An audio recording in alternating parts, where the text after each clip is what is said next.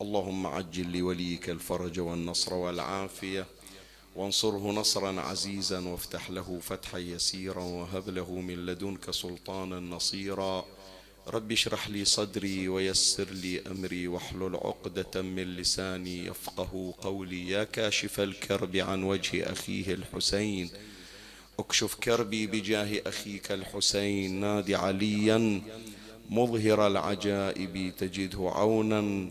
لك في النوائب كل هم وغم سينجلي بولايتك يا علي يا علي يا علي يا أبا الغوث أغثني يا فارس الحجاز أدركني بلطفك الخفي ولا تهلكني يا مولاتي يا فاطمة بنت محمد أغيثني يا سيدتي صلى الله عليك يا سيدي ويا مولاي يا رسول الله.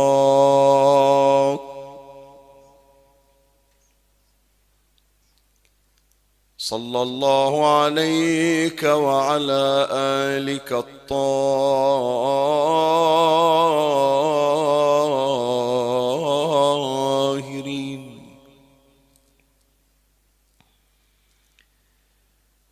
فاز من اعتصم بكم. وأمن من لجأ إليكم.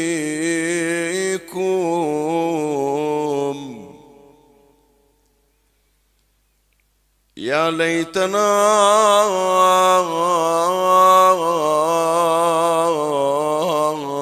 كنا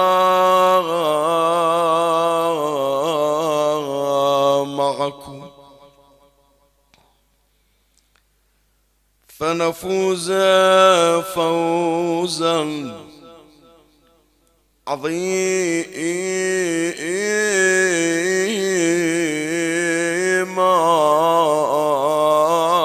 يا غريب يا مظلوم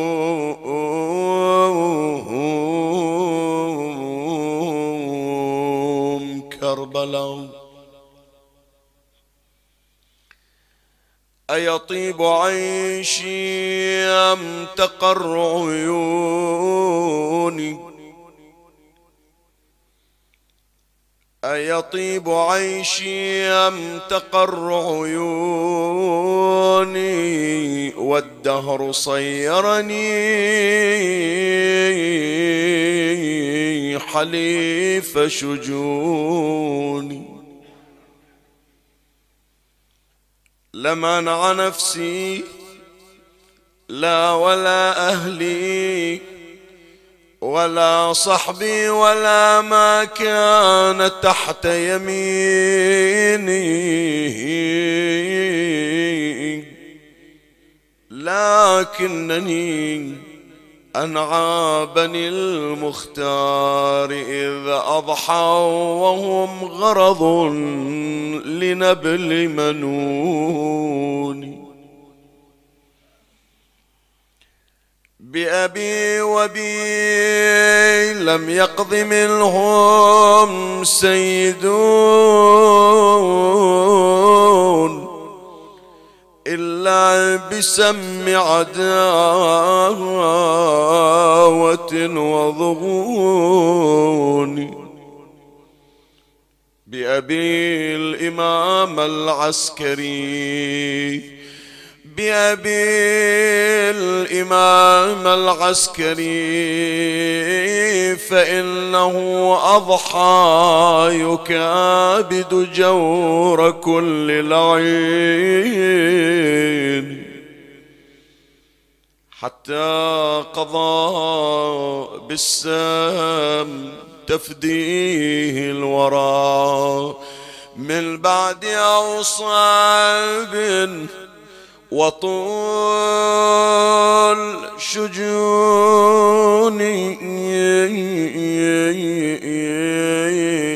لله لله لله يوم العسكري فإنه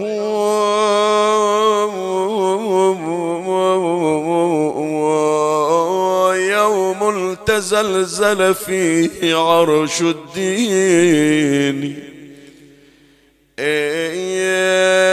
يوم تزلزل فيه عرش الدين.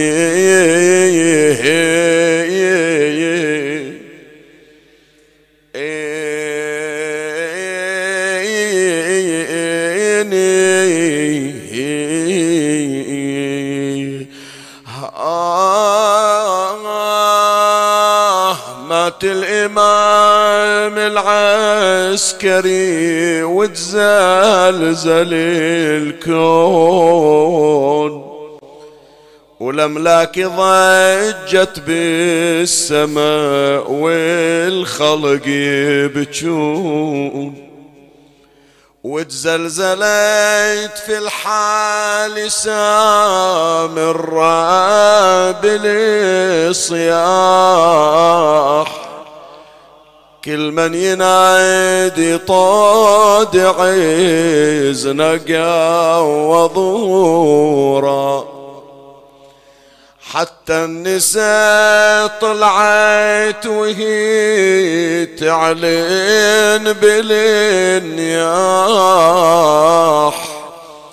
وفجعة الإسلام بعد سيد الكون. آخ مات الإمام العسكري بدر الشريعة. بالسم جاب دم قطع كعبة الشيخ. وابن المهدي حالته والله فجيعه صوب القبور يبكي ويجري دمع العيون ويلي لكن حضر تجهيز أبو صفوة الباري.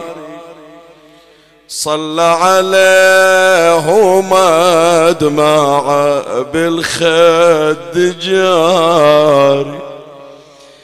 ليت نظر جد على الثربان عاري. ومن حوله الشبان بالغبرة والنون. آه ليت حضر جد براض الغاضرية ينظر لجد شلون نايم على الوطي داست على صدر خيول الأعوج. ومن حوله الشبان بالغبرة يوين سيدي ماذا يهيجك إن صبرت لوقعة الطف الفظيع؟ أترى تجي فجيعة بأمض من تلك الفجيعة حيث الحسين على الثرى خيل العدا طحنا. بحياتي ما قارنها هالكلمة أول مرة ولا مرتب أني أنا أقرأها. رأيت في بعض الروايات أن الخيل أخذت تروح وتجي على صدر الحسين. إذا مضت في المرة الأولى يقلبون حسينا على وجهه فتجول على ظهره حتى ورد حتى طحنت جناجن صدره.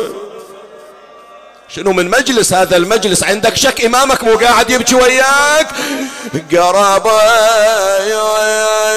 خط الحزن منه اللي قرابة قرابة وكل ميت يحضرونا قرابة يا ترى بس حسين ما حصل؟ ما حصل قرابة داست فوق صدر العوجي. داست فوق صدره لا يا يا يا يا وجيه وين ما قاعد أريدك توين؟ ركبت له من الجيمان عشره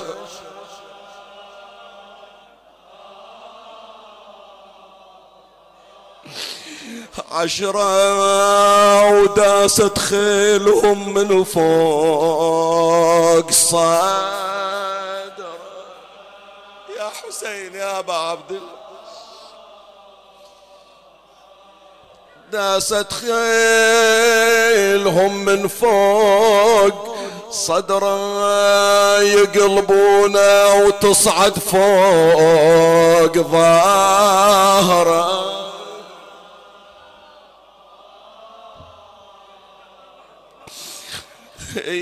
ولا ظل عظم سالم ما تكسر. بالنصار يقول ترضرض ضلع صراع الحمية ولا خلت من عظامه بقية. ولا خلت من عظامه بقية. ارفع صوتك سير صاحب نياحة.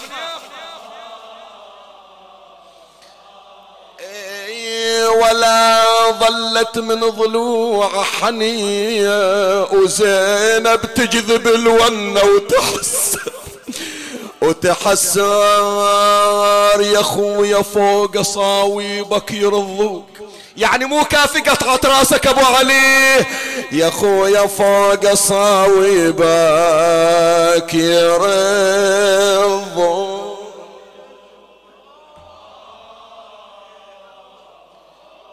ولا راعى وشرف جدك ولا أبوك كنت حرزي وتحت الخيل.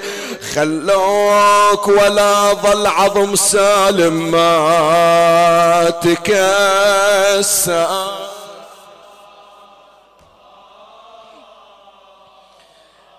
غريبة ما عندها أحد.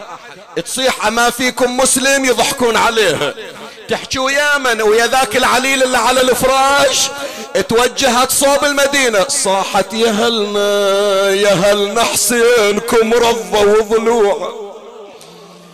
يا هلنا حسينكم رضى وضلوعه وضاق الموت روعة بعد.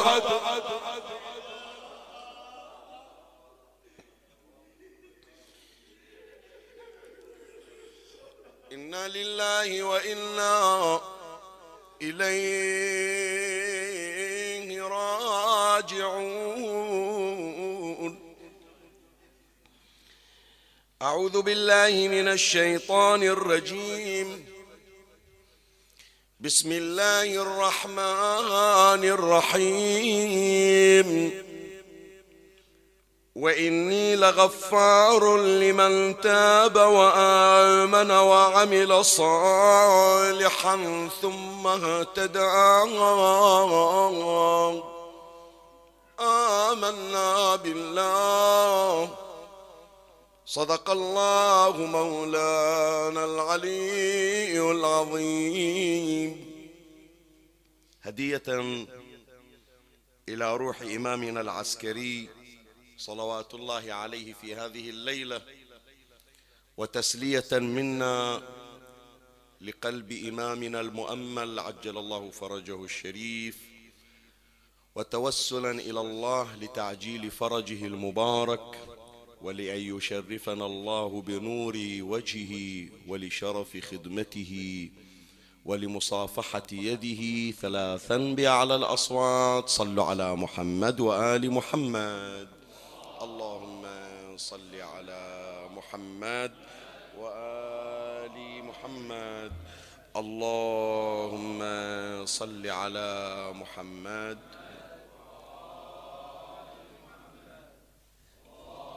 اللهم صل على محمد وآل محمد وعجل فرجهم. العالم الشيعي في مثل هذه الليلة ويوم غد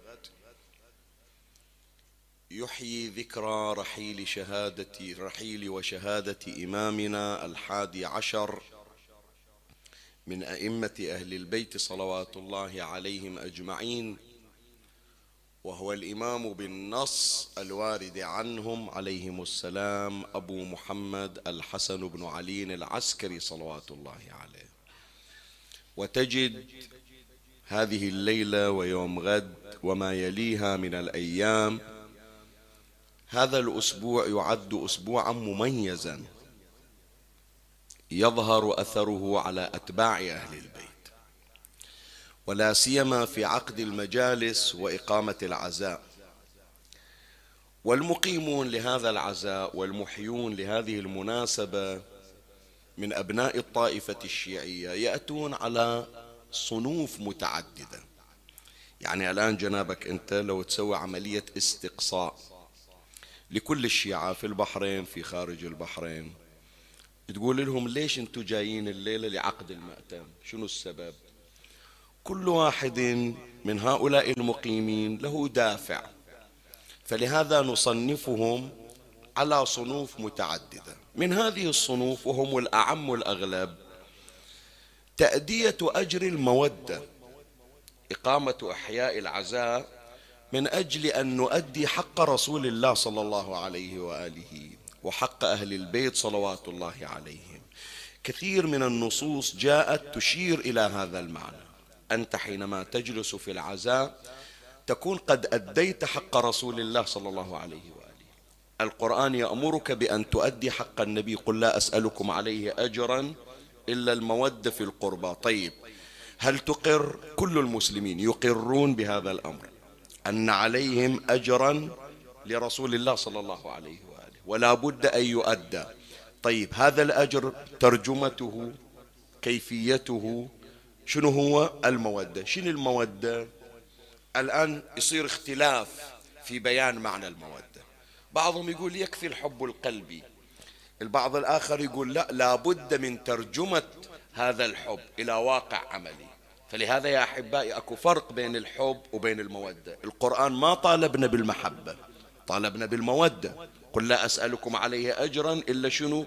مو المحبة للقربى المودة في القربى لابد أن تظهر هذه المحبة التي في قلبك.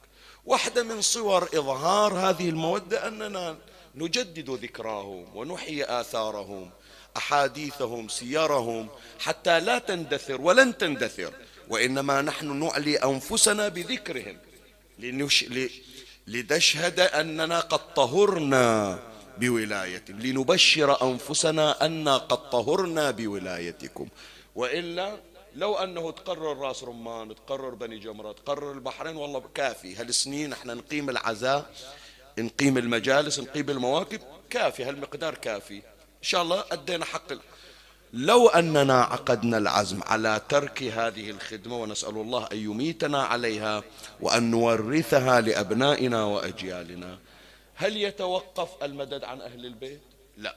ينشئ الله له شيعة الإمام الحسن. النبي صلى الله عليه وآله يخبر يقول ينشئ الله له شيعة. هذا من التوفيق أن جعل البحرين سباقة لإحياء مناسبات أهل البيت. لو تقرر تخرج بحرين أخرى تخرج مناطق أخرى. تمام؟ فإذا صنف من أصناف المقيمين والمحيين لعزاء الإمام العسكري عليه, عليه السلام جاءوا لهذا الاجتماع وهذا التجمع وهذا الإحياء وهذه الإقامة بغرض شنو؟ أنه نؤدي ما علينا من تكليف ونظهر أثر المودة وهذا هو الأعم الأغلب أكو صنف ثاني شوية ما يخالف افتح قلبك الليلة. أنت في بيت الله تبارك وتعالى. ويهمني الصنف الثاني لأنه تدرج إلى الصنف الثالث وهو الأهم. الصنف الثاني هذا يريد أن يكون أقرب إلى الله عز وجل. يريد أنه يطور من علاقته مع الله تبارك وتعالى. فيفتش عن أماكن من شأنها أن تنقله من ملذات الدنيا من معاصيها من ذنوبها إلى جو نوراني روحاني يكون قد أخذه إلى الله أكثر. يقول أنا ليش أعيش في أوساط ومستنقعات الرذيلة والمعاصي؟ أنا من أطلع ويا أصحابي أنا من أطلع ويا بعض الأشخاص اللي هم من جلاس السوء. أشوف نفسي بعيد عن الله. أدور لأماكن تعيدني إلى الله عز وجل. فوين هذه الأماكن؟ مرات المساجد. مرات أنا أروح إلى مكة المكرمة الطواف حول بيت الله تبارك وتعالى يكسب نورانية خاصة. ومن هذه المواضع التي هي أشبه بمحطات شحن. جنابك تشوف موبايلك بيخلص الشارج من عنده تحطه على الشحن مو تمام؟ إحنا هم عندنا قلوبنا تحتاج إلها بطارية وتحتاج إلى شحن مستمر. مواضع الشحن وين؟ هذه الموارد هذه المجالس مجالس التي يذكر فيها محمد وآل محمد صلوات الله عليهم.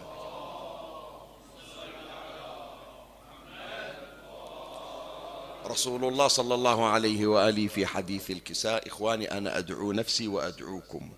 لا تنتظر بس ليلة الجمعة تقرأ حديث الكساء للتبرك وبس لا. عد عليه باستمرار عد عليه باستمرار وتأمل في معانيه لا تقول لي شيخنا أنا ما درست حوزة أنا ما حاضر مثلا مجالس ما سامع محاضرات عن حديث الكساء أنا معلوماتي على قدي. لا. نور أهل البيت سلام الله عليهم يظهر من سطور كلامهم. كلامكم نور وأمركم رشد. أنت بنفسك تتفتح لك أبواب المعرفة والولاية أكثر. في هذا المقطع رسول الله صلى الله عليه وآله يقول والذي بعثني بالحق نبيا واصطفاني بالرسالة نجيا ما ذكر خبرنا هذا في محفل من محافل أهل الأرض وفيه جمع من شيعتنا إلا ونزلت عليهم الملائكة بالرحمة تستغفر لهم حتى يتفرقوا. فأنت بحضور الملائكة تكسب حالة نورانية. وتكون إلى الله عز وجل أقرب وأقرب. فلهذا القسم الثاني أو الصنف الثاني هذول يقولون إحنا ندور المجالس ونحضر في هذه المجالس لأن فيها ذكر الله وفيها ذكر أهل البيت فهذه تقربنا إلى الله أكثر وأكثر. طيب يهمني شنو؟ يهمني الصنف الثالث اللي هو مع الأسف قليل لكن إحنا بحاجة إلى أنه نغطي هذا الصنف الثالث أكثر. أكو بعض الأشخاص يا أحبائي هذول وجدوا أنفسهم قد امتلأت بالذنوب والمعاصي. يفتش في طيات قلبه فيرى نفسه خاليا من نقطة بيضاء وخال من صفحة مشرقة. يقول أنا عمري الآن في العشرينيات في الثلاثينيات بس تاريخي كله أسود. الناس ترتكب في اليوم الواحد معصية ثنتين خمس. أنا ما عندي حسنة في اليوم بل بالعكس كل يوم اللي يمر أحاول أجدد في المعاصي والذنوب. إلى متى؟ طيب متى باتوب متى بستغفر الله؟ متى بفتح صفحة جديدة مع الله عز وجل؟ طيب عزمت الآن على التوبة. إيش أسوي؟ حتى أتوب إيش أسوي؟ ما يدرون بعضهم يا جماعة ما يدرون. أنت الآن أنا وأنت نقول لما ما عندنا طريقة إلى تكفير الذنوب نستذكر الاستغفار. شايف؟ نسمع دائما هذه العبارة من لم من من لم من وجد عليه ذنب من وجد عليه ذنبا فليستغفر الله. دائما إحنا نستغفر الله تبارك وتعالى. تجي الحديث الآخر. من لم يجد ما يكفر به ذنوبه فليكثر من الصلاة على محمد وآل محمد. اللهم صل على محمد. فإحنا نعرف أنه اما نقول أستغفر الله أو أنه إحنا نصلي على النبي بنية الاستغفار. أكو بعضهم يا جماعة حتى أستغفر الله مو عارفين شلون يقولون. تدري لو ما تدري؟ في بعضهم مع العلم هي الكلمة مألوفة بالنسبة إليه لكن كأنما حتى يحصل التوبة ويحصل المغفرة كأنما يتطلب من عنده أمور أكثر من الاستغفار. أنا شايف يعني وغيري من أساتذتي شايفين لما يجي واحد مثلا وإحنا نقول له نظير هذا الذنب استغفر الله. ما يصدق. يقول شيخنا بس أقول أستغفر الله يعني الله يتوب علي إيه؟ استغفر الله بتوبة وبندم وبعزم على أن لا تعود إلى الذنب ولا ما يصدق. يتصور أنه لازم يدفع فلوس لازم مثلا يجلد لازم يضرب. ولهذا شوف في زمن النبي صلى الله عليه وآله وفي زمن أمير المؤمنين سلام الله عليه أتمنى هذه القضايا تثار بين فترة وأخرى ويبحث عن النكات فيها. يجي بعضهم والعياذ بالله من الزنات إلى النبي أو إلى أمير المؤمنين سلام الله عليه. فيقول له هذه العبارة يقول له يا رسول الله أو يا أمير المؤمنين إني زنيت فطهرني. مرة يجي شاب إلى رسول الله صلى الله عليه وآله ومرة تجي امرأة إلى النبي صلى الله عليه وآله إلى أمير المؤمنين. فيقولون لهم إني زنيت فطهرني. النبي وأمير المؤمنين سلام الله عليه شوف الفرق بين علية القوم. أي علية القوم؟ حرام نقول علية القوم يا إخواني. من نقول علية القوم ونقصد أهل البيت يعني كأنما هم في مستوى راقي وإحنا أدنى. نحن لا شيء أمامهم يعني. إيه من نقول عالي يعني أكو داني مو تمام؟ من تقول فلان علية القوم يعني إحنا أدنى من القوم. كأنما إحنا في خط واحد مع النبي. من نكون أمام شخص محمد صلى الله عليه وآله؟ من نكون أمام الحسين؟ باكر يقولون ياسين وحسين باكر يقولون فلان ومحمد. نحن لا نعم شرفونا هم بأن حظينا بأنوار وعجنوا بماء ولايتنا. يوم إجتنا أنوار أهل البيت صار لنا قيمة. وإلا شنو قيمتنا يا إخواني بظلمة الذنوب والمعاصي؟ حط هذا دائما في فكرك وفي بالك. فمولاي الكريم شوف أهل البيت شلون مستواهم في التفكير وشوف إحنا الملطخون بالذنوب شلون. إحنا يجينا شخص ما ثبت عليه شيء مجرد إشاعة. لا نثبتها ونحط عليها ستمب ختم. شلون؟ قال إيه ما في دخان من غير نار. من وين هذا الحكي جايبينه إحنا شنو ما في؟ وين اذا روايات أهل البيت؟ ولو أقسم عندك خمسون قسامة. إحسان الظن بالآخرين البحث عن الستر. هذه جاية تعترف إلى أمير المؤمنين وتعترف إلى النبي صلى الله عليه وآله وتقول له إني زنيت فطهرني. والنبي صلى الله عليه وآله مو ما يدري يدري لكن يبحث لها عن أعذار. يريدها ترجع حتى تفتح باب التوبة بينها وبين الله. لعلك لم تزني. هذيك تقول لا زنيت. أمير المؤمنين يقول له يقول له لعلك قبلت. لعلك نظرت. يقول له زين يكرر ويقول له النبي روح. بالنسبة إلى ذيك الزانية والعياذ بالله. يقول لها النبي صلى الله عليه وآله أو أمير المؤمنين يقول هل عندك طفلة؟ تقول له إيه. ترضع؟ تقول إيه ترضع؟ يقول روحي سنتين خلصي رضاعها وتالي تعالي. ليش؟ يمكن في هالسنتين تقرر أنها تخلق إليها جو توبة فردي مو علني. النبي يريد يقول روح بينك وبين الله. إحنا هذا موجود عندنا يا جماعة. إحنا حتى الذي بينه وبين الله يريد أن يتوب نحن ننبش في في مثالبه ومعاصيه. شوف من نقول إحنا آل محمد شلون ومن نقول إحنا اللي نبحث عن عثرات الناس شلون. فعلى أي حال أكو ناس يا إخواني يريدون يتوبون ما يعرفون فيبحثون عن مثل هذه المجالس. ويبحثون عن مثل هذه المواطن التي يذكر فيها اسم أهل البيت.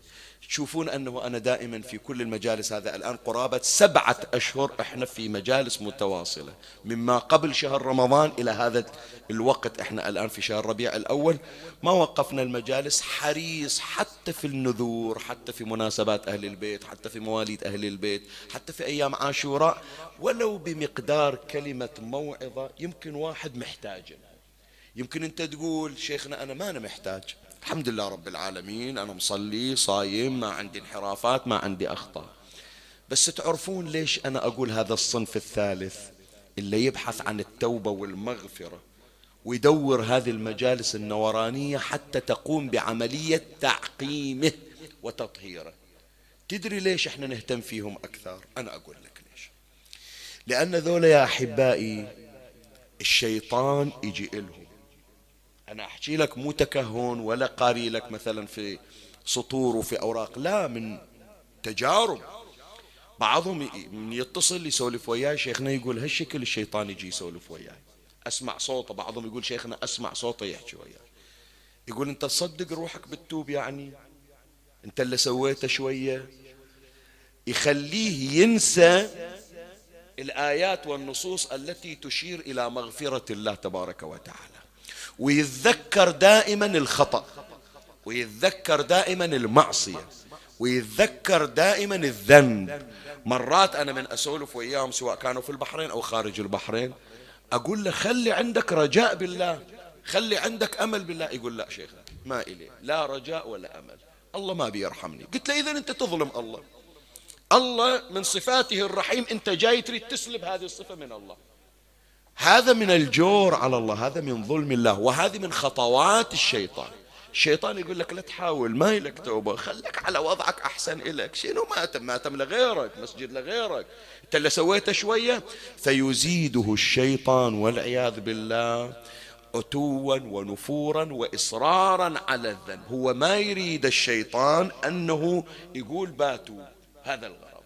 فلهذا إحنا نحرص في هذه المجالس أن نخاطب هذا الصنف الصنف الثالث الذي يبحث عن المغفرة وعن التوبة. من هذا المنطلق أنا خصصت الحديث في هذا المجلس الشريف ونحن في رحاب إمامنا العسكري عليه السلام للحديث عن علاج الإمام العسكري للعصاة. المحاضرة السابقة في المجلس المتقدم كنت ذكرت كيفية صناعة الأولياء عند الإمام العسكري. ارجعوا إلى ذيك المحاضرة. الإمام مو بس يريدنا نستقيم شوية اسمع دير بالك للكلمة. إن شاء الله لا بالك الإمام يطلب من عندك بس تصير خوش آدمي مستقيم تصلي أول الوقت. لا هذا كل واحد يصير. هذا كل واحد متدين كل واحد مسلم مطلوب من عنده أنه يكون متقي. تمام؟ بس إحنا كأتباع لأهل البيت لا. مطلوب من عندنا أن نكون متميزين على غيرنا. أن نكون أولياء لله تبارك وتعالى. أن تكون علاقتنا بالله أكثر. أن نكون قدوة ونحمل شعار محمد وآل محمد صلوات الله عليهم. اللهم صل على محمد محمد. فكان الحديث في المحاضرة السابقة عن صناعة الأولياء في منظور الإمام العسكري عليه السلام. هذه المحاضرة لا. كيف يعالج الإمام العسكري العصاة؟ الشخص المذنب شلون يشتغل عليه الإمام العسكري؟ الشخص اللي عنده معاصي وذنوب الإمام شلون يدير باله عليه؟ هذا إن شاء الله راح أمر في شواهد ثلاثة وأذكر بعضا من طرق الإمام العسكري عليه السلام في علاج العصاة والمذنبين. أول طريقة من طرق الإمام سلام الله عليه أن الإمام العسكري عليه السلام بنفسه يشرف على توبة المذنب. وهذه ترى من أجمل الأمور يا أحبائي. شباب لا تتصورون من نقول شباب يعني نبرأ أنفسنا إحنا. لبالك تقول شيخ ياسين وعمامة على راسه وجاي وفهالعمر هذا وطول هالسنين في المواتم فإذا هو لا جاي لنا ولي نظيف ما عنده ولا ذنب ولا معصية فلهذا يحاكينا بس إحنا الشباب لا.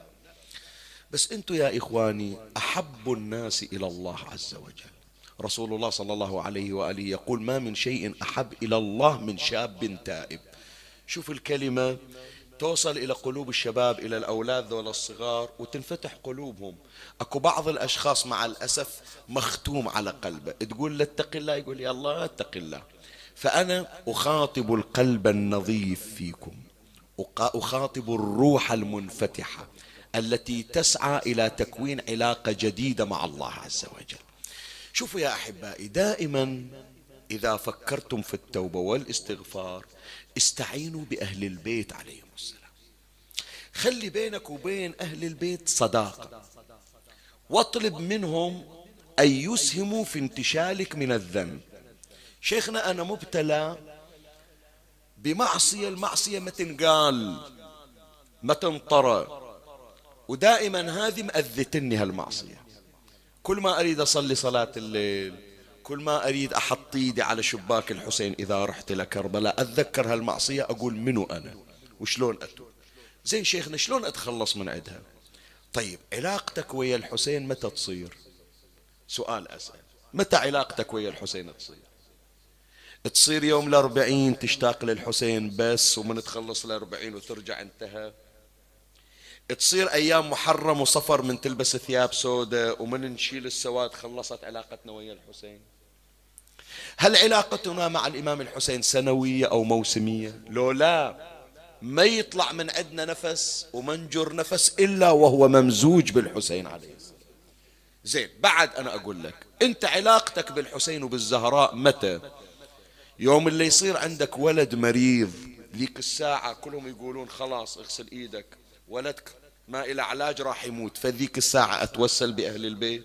وتاليها إذا طاب الولد أنساه؟ لولا أنا أحتاج إلى أهل البيت لانتشالي من أزمة المعصية.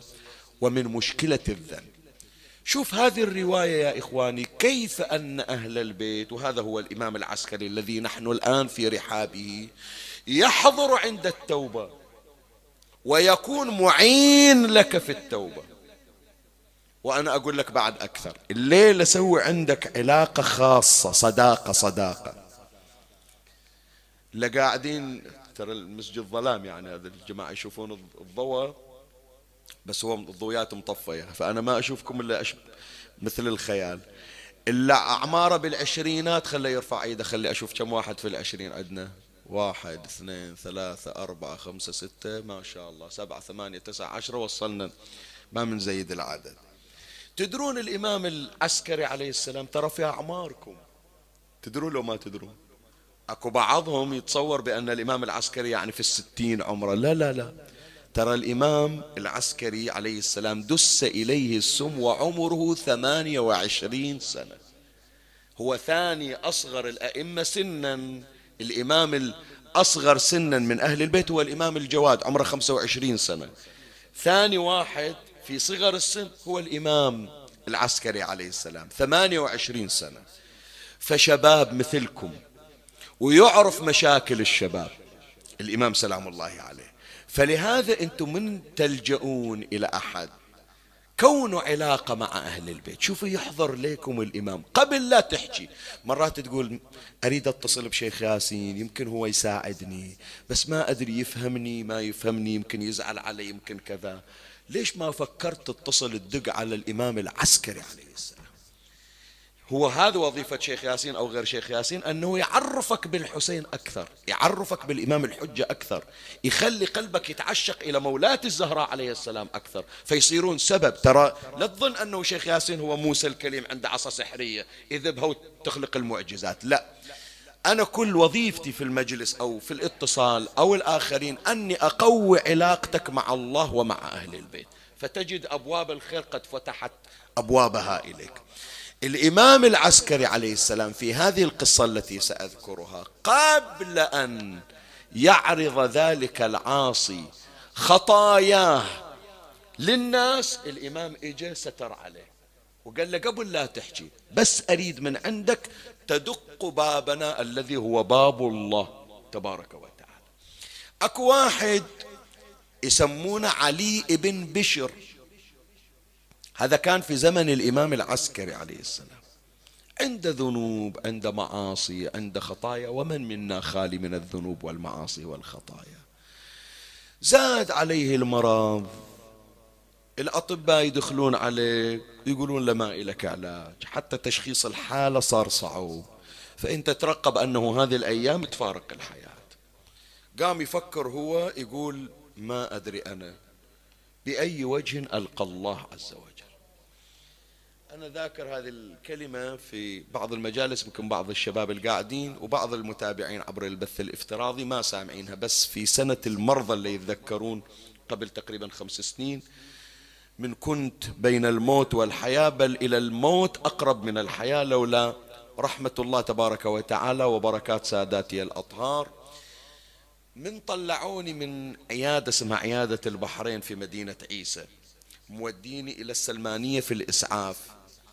يعني المدة هذه عادة ما تأخذ بسيارة الإسعاف أكثر. هم يعني أنا سألت أنا ما أدري بس سألت قلت لهم عادة سيارة الإسعاف كم تأخذ من مدينة عيسى إلى السلمانية؟ قالوا بالكثير 11 دقيقة 12 دقيقة على سرعة سيارة الإسعاف وكذا ما تطول.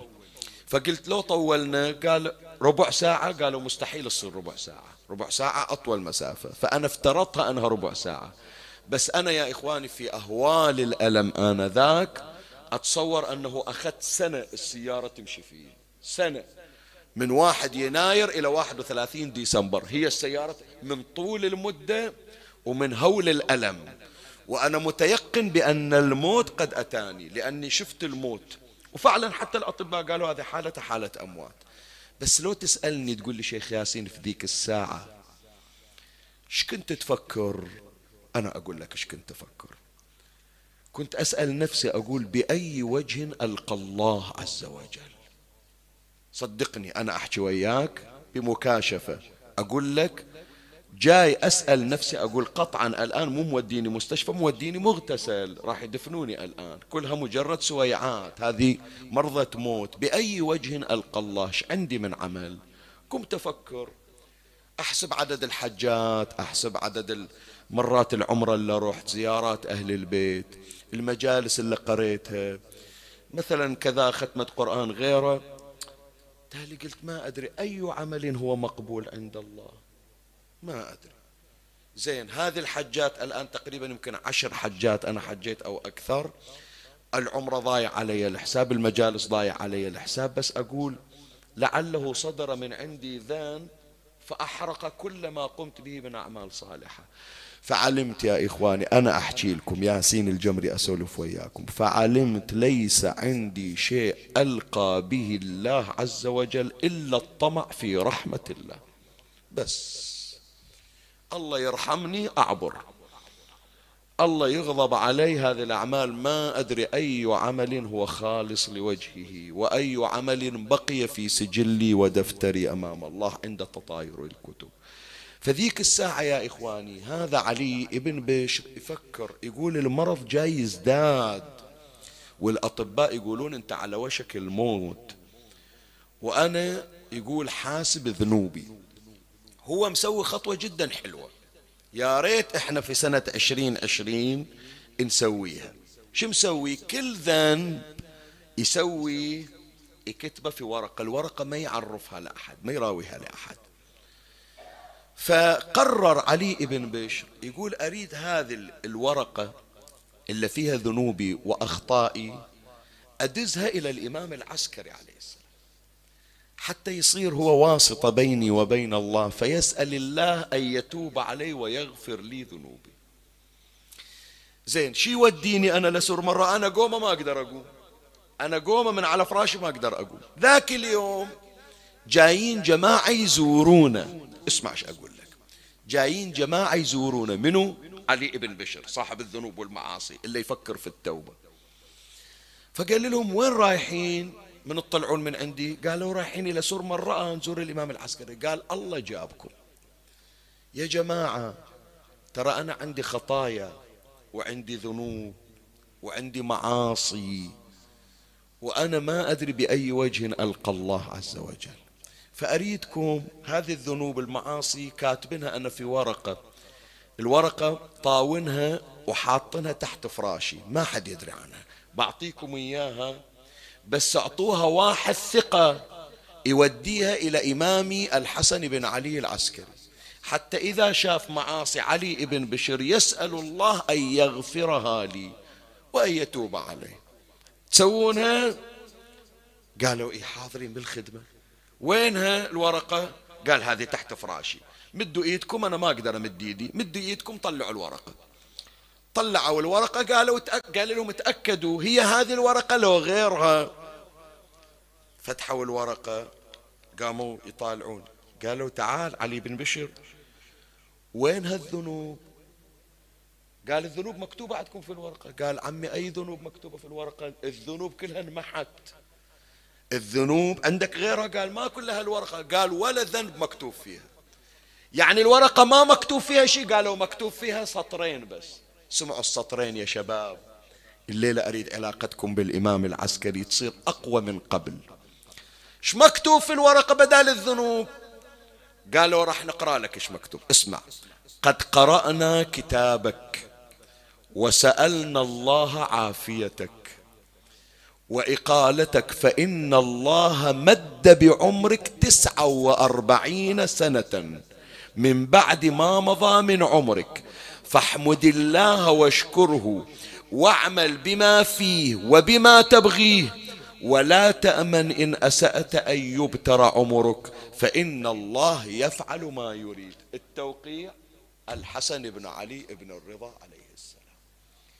يعني ذيك الذنوب كلها قبل لا واحد يقرأها شوف حرص الإمام علينا شلون. قبل لا واحد يقول ترى هذا مسكين علي بن بشر عنده هالذنب هالذنب لا يقول غير نويت التوبة واستعنت بنا ما يحتاج تطرش لنا ورقة. الورقة أطلعنا الله عليها. وسألنا الله أن يغفرها لك وأن يتوب عليك. وفوق هذا شوف كرم أهل البيت شلون سلام الله عليهم. قال مو بس التوبة لا. إجتك التوبة وهذا المرض اللي عجزوا الأطباء عن علاجه إحنا عافيناك من عنده. وفوق هذا احسب من يوم الشفاء من يوم العافية إلى تسعة وأربعين سنة الله عطاك عمر مضاعف فوق السنوات الطائفة يعني مو عمرك كله تسعة وأربعين من اليوم احسب إلى تسعة وأربعين سنة. من قرأ الرسالة هو علي بن بشر يقول أحسست بالعافية فقمت من فراشي ليس بي مرض ببركة إمامي أبي محمد الحسن العسكري.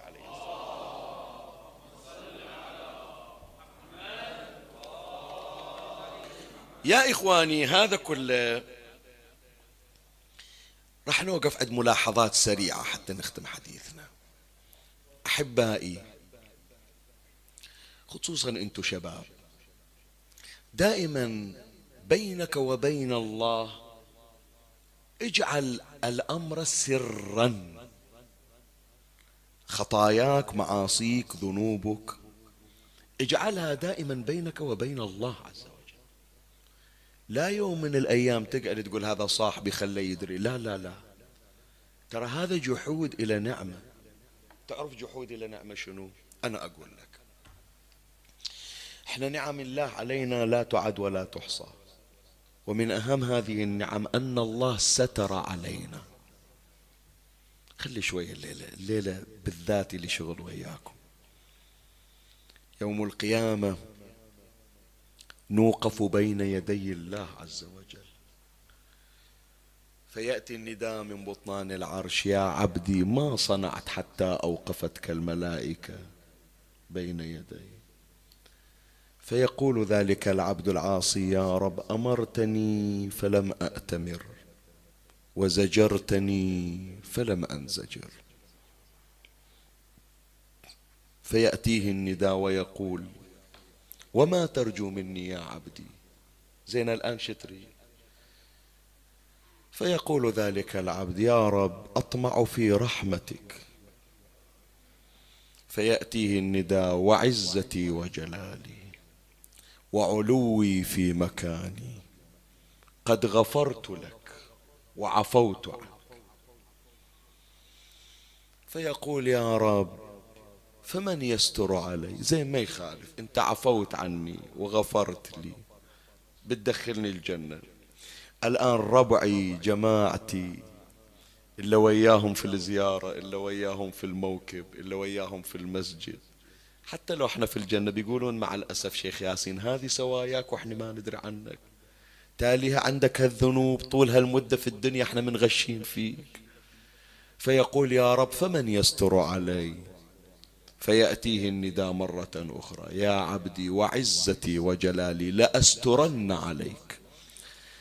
حتى لا يعلم بما صنعت لا نبي مرسل ولا ملك مقرب. يجيبون يدخلون الجنة من غير حساب. يقولون له تعال فلان انت ممكن تطلع ويانا تروح ويانا إحنا حاسبونا. اشو انت دشيت؟ ولا واحد. قال لك شو مسوي؟ إيش فاعل؟ شنو انت نبي ولي وصي؟ يقول ستر علي الله عز وجل. فإحنا واحدة من النعم علينا يا إخواني الله ساتر علينا.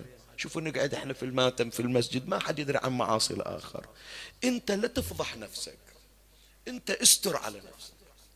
لا تغرك هذه الآن البرامج اللي طالعة والوسائل وسائل التواصل. ما أعرف أساميها أنا بالضبط ما أضبطها شنو سناب شات أو غيره اللي جايين يريدون يغرون شبابنا وبناتنا يطلعون الآخرين على أعمالهم اليومية. حتى لو عنده ذنب الله ساتر عليه هو يفضح. ترى هذا هذا تغرير من الشيطان. شوف هذه القضية اللي ذكرناها شوف الإمام ليش ما انتظر الإمام العسكري علي بن بشر يدز الورقة إلى ويقرأها؟ الإمام تالي يقول له سألنا الله أن يتوب عليك. يعلم أن يستر على نفسه.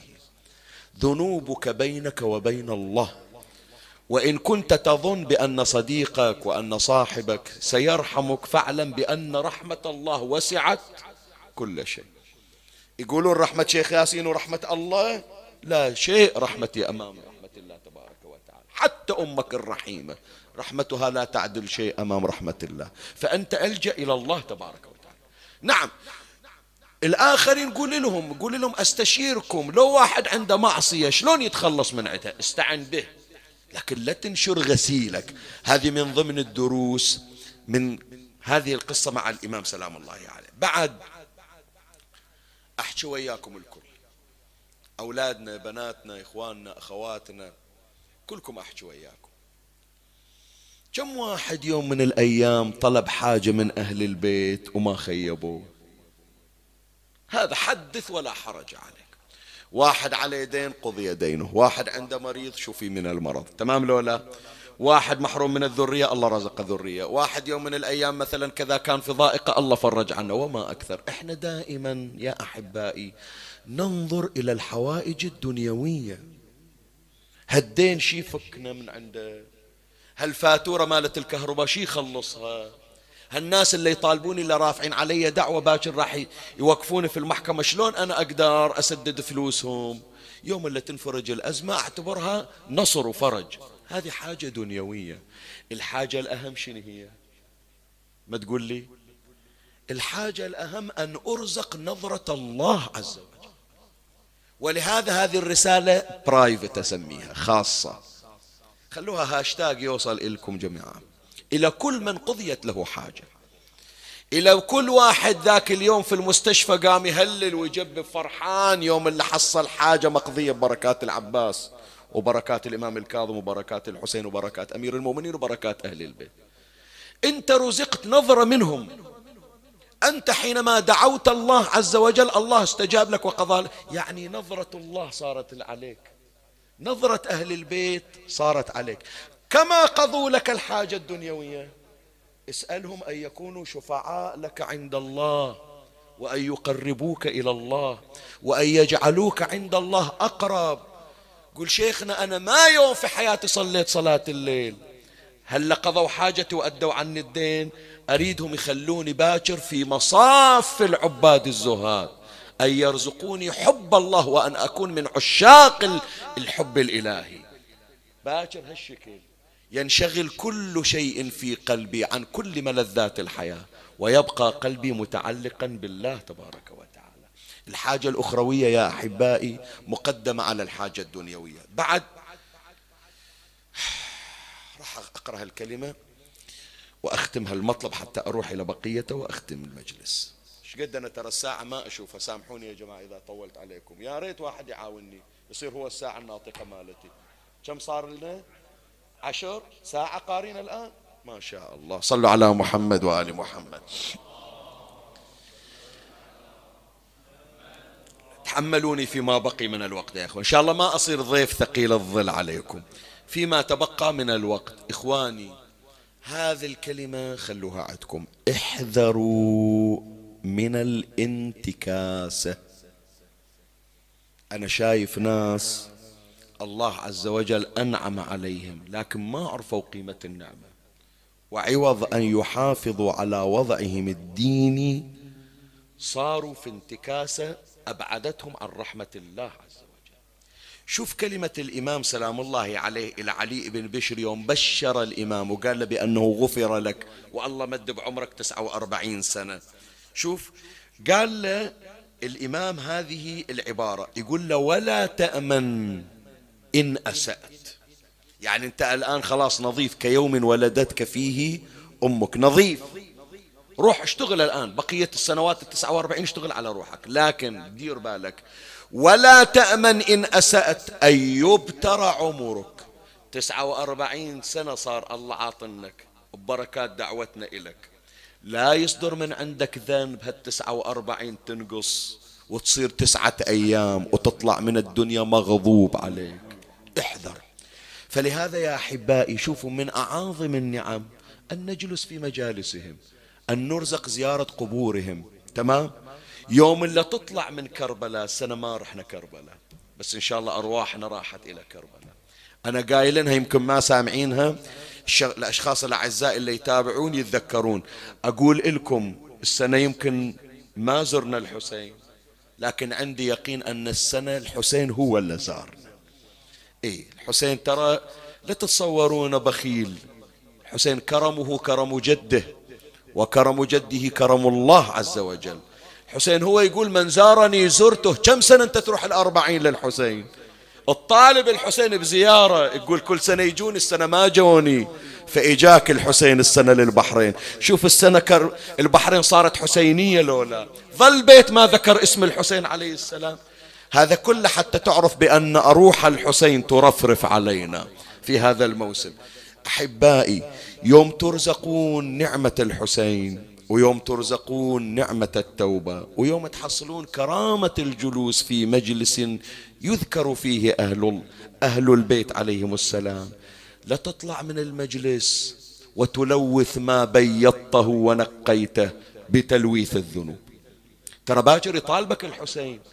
شوف هذا الآن هذا كورونا يسوون مسحة ياخذون عليها مبلغ وقدره تمام لولا مسحة ياخذون عليها مبلغ وقدره. يطالبونك يقولون لك عطيناك تعقيم نريد عليه فلوس. الحسين يعقمك طيلة عمرك من غير ما ياخذ عليك ولا فلس يريدك بس شنو؟ أن تصلي على محمد وآل محمد. اللهم صل على محمد وآل محمد. فلا تترك هذا الأمر ولا تترك هذه النعمة ولا يصدر منك ذنب. دائما اتذكر تعقيم اللي حصلته من الحسين ما أفرط فيه. وإلا ترى ترجع عليك رادي. متى يرد يحن عليك الحسين مرة ثانية؟ متى ترد تحصل نظرة من الحسين؟ الحسين ما يقطع نظراته. لكن إذا واحد استخف بنظرة آل محمد يحرم من نعمتهم ويحرم من هذا الرزق. انت حصلت على نظرتهم فحافظ عليه. خلي أكتفي بهذا المقدار. بقي من المطالب إن شاء الله يمكن أعوضها في مجالس لاحقة. أستميحكم عذرا الوقت جدا أخذنا. من ضمن مشاريع الإمام سلام الله عليه لعلاج العصاة أن الإمام يهتم بالسفر التبليغي. يعني شوف مع العلم أن الإمام محجور عليه في سور من رأى بس يقول أعرف شيعتي يستانسون إذا يوم من الأيام تعنيت إلهم. هذه تصير شحنة إلهم. شحنة نورانية. من يشوفوني من أقضي لهم حاجات. ولهذا في روايات كثيرة أن الإمام قطع المسافات بطي الأرض. خرج من سرما رأى إلى جرجان. جرجان صايرة شمال إيران. تقريبا 415 كيلو من طهران. يطلع الإمام من سرما رأى يروح إلهم. يقضي لهم الحوائج يدعو لهم. تصير عندهم طاقة روحية طاقة نورانية من يشوفون وجه الإمام. فمن يحتاجون؟ من يحتاجون الناس إلى رؤية وجه الإمام. نور الإمام يجدون الإمام معهم. هم أنت عندك خلي يصير هذا الحس. يوم من الأيام تحس قلبك صاير مظلم. ما عندك إقبال على الطاعات والعبادات. استعن بهم صلوات الله عليهم يحضرون إليك. بس يوم من الأيام الإمام سلام الله عليه تمنى يروح إلى مكان قريب بس من شدة السم ما تمكن. شوف راح إلى جرجان شمال إيران بس بغداد ما قدر يروح. وشباب بعد عمره 28 سنة بس مع ذلك من زود حبه إلى شيعته من زود حنانه على مريدي. قال أودي لكم واحد أنا ما أقدر أجيكم لكن أرسل لكم واحد. التفت إلى أحد شيعته يقال له أبو الأديان. قال له أبو الأديان أريد أدزك شيعتي هناك في المدائن جنوب بغداد. دائما يتمنون يشوفوني. أنا لو كانت عندي صحة وطاقة كان رحت لهم بس أنت روح رسول إلهم من عندي. واعلم يا أبا الأديان أنك تأخذ في سفرك خمسة عشر يوم. ما تطول. قال له سيدي البغداد قريبة ما نحتاج خمسة عشر يوم. قال له الأمر كما قلت لك. لكن يا أبا الأديان لا ترجع إلى سر من رأى حتى تسمع الواعي في داري. قال له ليش سيدي إيش دعوة؟ قال له يوم وصولك يوم موتي وفارق الحياة مسموما. انت روح هناك سلم على شيعتي شوف إيش يحتاجون خلص وياهم وترجع يوم رحيلي. قال له زين سيدي أنا أعرف الواحد لابد يصير عنده اعتقاد بالإمام. وإنت راح تروح من الإمام بعدك؟ قال يا أبا الأديان الذي يسألك عن جوابات الكتب هو الإمام بعدي. قال له يمكن واحد يجي يسألني صدفة أريد علامة ثانية. قال الذي يصلي على جنازتي هو الإمام بعدي. قال له ما يخالف بس ما أدري يمكن اللي جاي يصلي يصير عنده ظرف يدز واحد ثاني. أريد علامة ثالثة. قال الذي يسألك عما في الهميان. حقيبة يحطون فيها الأغراض والأمور الخاصة. هو الإمام من بعدي يقول أردت أن أسأله أن أسأله عن علامة رابعة. لكن يقول هيبة الإمام أخذتني. ما قدرت أسأله. يقول قمت. قلت لكن إلا أقطع السفر أخلص شغلي قبل الخمسة عشر يوم. يقول مضيت إلى المدائن. كما قال الإمام خمسة عشر يوم. لا نقصت ولا زادت. كلما حاولت أن أتي قبل الخمسة عشر يوم ما تمكنت. فما أتيت إلى سر من رأى وإذا أسمع الناس في ضج على الإمام. ورأيت الناس في صراخ وعويل. وين أروح؟ قلت ماكو إلا بيت الإمام العسكري. هناك أخذ الخبر. ما إجيت. وإذا الناس قد جعلوا بيت الإمام مثل الكعبة. كلهم دايرين مدار بيت الإمام. ورأيت جعفر ابن الإمام الهادي يقول أعرف الرجل منحرف وجاي يدعي الإمامة زين الإمام قال عطاني علامات خلي أسئلة. يقول إجيت أريد أشوف العلامات ولا يعرف شيء عن العلامات. يقول بينما أنا كذلك وإذا بالخادم قد خرج من داخل الدار التفت إلى جعفر ابن الإمام الهادي قال سيدي جعفر قم وصل على أخيك. قلت إذا قام صدق صلى على الإمام يعني مثل ما قال الإمام العسكري يصير هو الإمام ما يصير. يقول اصطفت الناس تقدم جعفر. شوية وإذا جنازة الإمام العسكري طلعوها من داخل الدار. مدوها بين الناس اصطفت الصفوف تقدم جعفر. يقول بينما أنا واقف وأحكي ويا نفسي أقول يصلي عليه يعني صدق يصلي عليه يقول وإذا طفل صغير عمره ست سنوات كأنما بيده منديل أسود يكفكف به دموعه اجى خلف الإمام اجى خلف جعفر ابن الإمام الهادي قام يجر من هدومه وهو يقول تنحى يا عم تنحى يا عم فأنا أولى منك بالصلاة على والدي. أبويا ما يصلي عليه واحد غيري. ست سنين ما تهنيت ويا أبويا في الحياة. فتحت عيني على المصايب. الآن حتى الصلاة محروم من عندها لا أنا اللي أصلي على أبويا. هذا إمامك اللي تحبه هذا إمامك اللي ما يجي يوم الجمعة اللي تندبه هذا إمامك اليوم ترى هاي فاتحة أبوه شوف إيش قد المنظر مؤلم. الأبو عمره 28 سنة والولد عمره ست سنوات. شلون؟ قال عيناه كالجمرتين من فرط البكاء. عظم الله لك الأجر سيد. يقول وخر عمه تقدم صلى على أبيه. وما تنحى عن عن المكان حتى نظر إلى جسد أبيه وقد نزل إلى القبر. يقول ما أقدر أخلي أبوي على التراب. حتى لو مسموم. أول أطمئن اتنفن دفن يلا ذيك الساعة أمشي. الله يا سيدي. ليش تبكون عمي؟ ليش؟ وين راحت قلوبكم؟ هذه الدمعة سؤال يا أهل راس رمان أسألكم هالدمعة سامرائية لو دمعة كربلائية؟ انت كأنك تحكي ويا إمامك تقول له سيدي لو ما مشي لو ما دفنت أبوك أحد بيخليه صح مسموم؟ لكن كلهم حاضرين حتى يصلون عليه ويشيلون جنازته ونزلونه بالقبر. وينك يا فرج الله ما حضرت ذاك اليوم؟ يوم اللي عمتك زينب واقفة على التل وهي تنادي يا قوم أما فيكم مسلم؟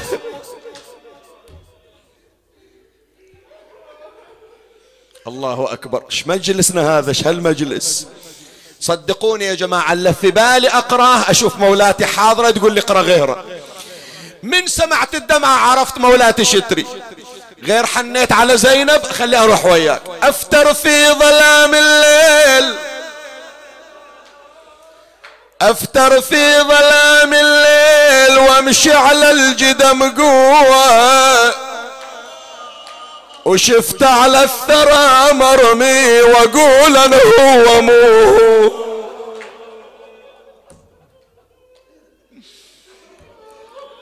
والله انزل من على المنبر وابوس إيدك اعطني مهلة بس شوية أتحمل. لأن الأبيات اللي جاية كل بيت يوجع القلب أكثر ترى.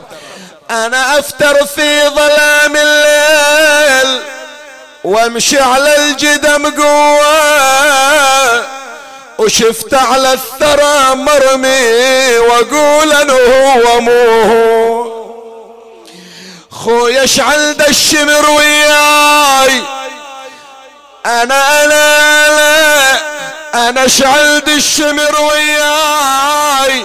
هيك بمنحرك سوى. إيش سوى؟ اشعل الشمر وياي. هيك بمنحرك سوى. ضربني الشمر يا أخويا وصوته بمتني يتلو. ارحم نفسك ارحم نفسك. عمي محرم خلص لكن انت ترجع لي محرم. إيش سويتي سيدتي؟ فرشت عبايتي على القاع يوم العاشر بعاشور وقمت اجمع وصالة وشفت الشم ضلع مكسور. عمي اللي منزل راسك. شيل راسك طالع شوف إيش أسويه.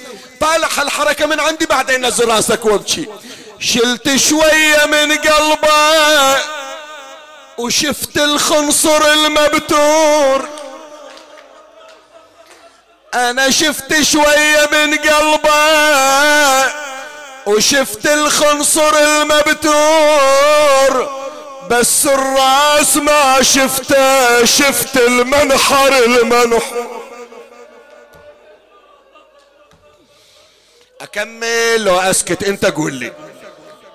تقدر تتحمل؟ بكمل. إذا صعب عليك خل مقدار كافي.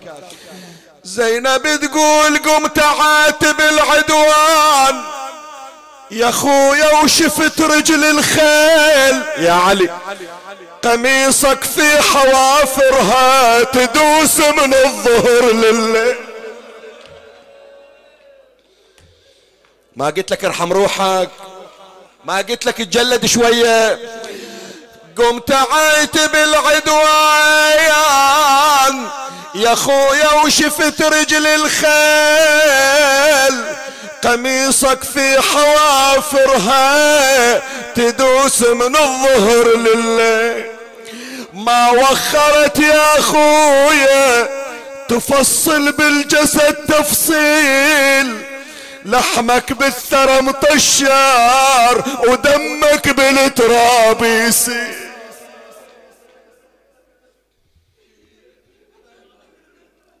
بس عمي خلاص كافش أقرأ لك بعد. الناس خلصت من عاشور وانت الدنيا كلها عندك عاشور. وجه الصباح علي ليل مظلم وربيع أيامي.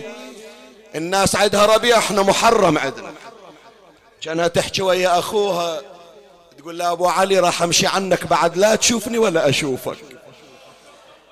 بس يا الغالي يا أبو علي خاطري أسمع صوتك. أدري راسك أخذوه على الرمح. لكن يا أبو علي أنت ما تحتاج إلى راس حتى تحكي حتى من نحرك تحكي. سمعني صوتك يا حسين. خلي آخر صوت أسمع من عندك قبل لا أمشي. كأن الصوت يطلع من نحر أبو علي. لا طمينك لا طمينك لو انخدك لا طمى مبين عليك التعب مو نايمة ما شبعت بشي؟ شفتك على التل يا زينب غافية. شفتك تركضين وانتي حافية. في البرار إنهم ما في عافية مبين عليك التعب مو نايمة خليني أكمل لك أرجوك خليني أكمل لك. ليش من تمشين كنك راكعة؟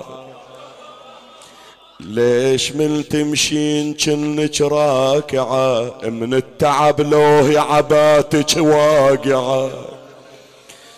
من يردك والجفوف مقطعة مبين عليك التعب مو نايمة بيكم سادة؟ أسألكم بيكم سادة قبل لا أقرأ البيت خاف أنزل واحد يعاتبني. ليش يا أختي عبايتك محروقة؟ ليش يا أختي من البكا مخنوقة؟ دم ضم دمعك عالبكا ملحوقة مبين عليك التعب مو نايمة هذا آخر بيت خلاص أنزل من على المنبر. حسينك الشرف الدنيا مداسة. إيش صار عليه؟ خسف صدر الفرس لما انداس. حسين كل شرف الدنيا مدايسة. خسف صدر الفرس لما دايسة زينب من لحية الشمر شايل راسة. مبين عليك التعب مو نايم أنعم جوابا يا حسين. أما ترى شمر الخنا بالصوت كسر أضلعي فأجاب زينب وهو يحفص في الثرى قضي القضاء يا زينب فاسترجعي يا خويا الشمر والله ضربني ضربني ضربني. شالي دو على خدي سطرني. خويا لانكسر قلبه ولا رحمني. إيش سوى؟ ولا رحمني. سب أمي يا خويا وشتمني.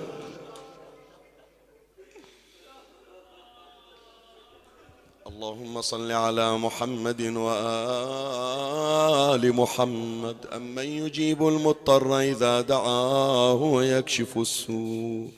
أمن يجيب المضطر إذا دعاه ويكشف السوء. أمن يجيب المضطر إذا دعاه ويكشف السوء. يا الله.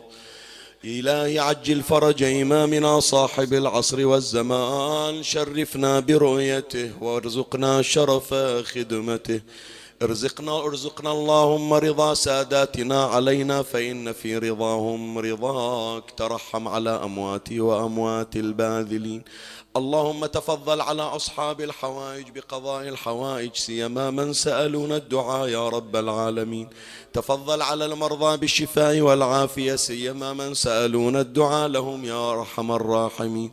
اللهم لا تخرجنا من هذه الدنيا إلا بتوبة قبل الموت. وارزقنا يا ربي نور الأبصار ونور القلوب نورا تبيض به وجوهنا أمام ساداتنا الطاهرين. اجعل ثواب هذا المجلس نورا في أضرحة خدمة أبي عبد الله الحسين.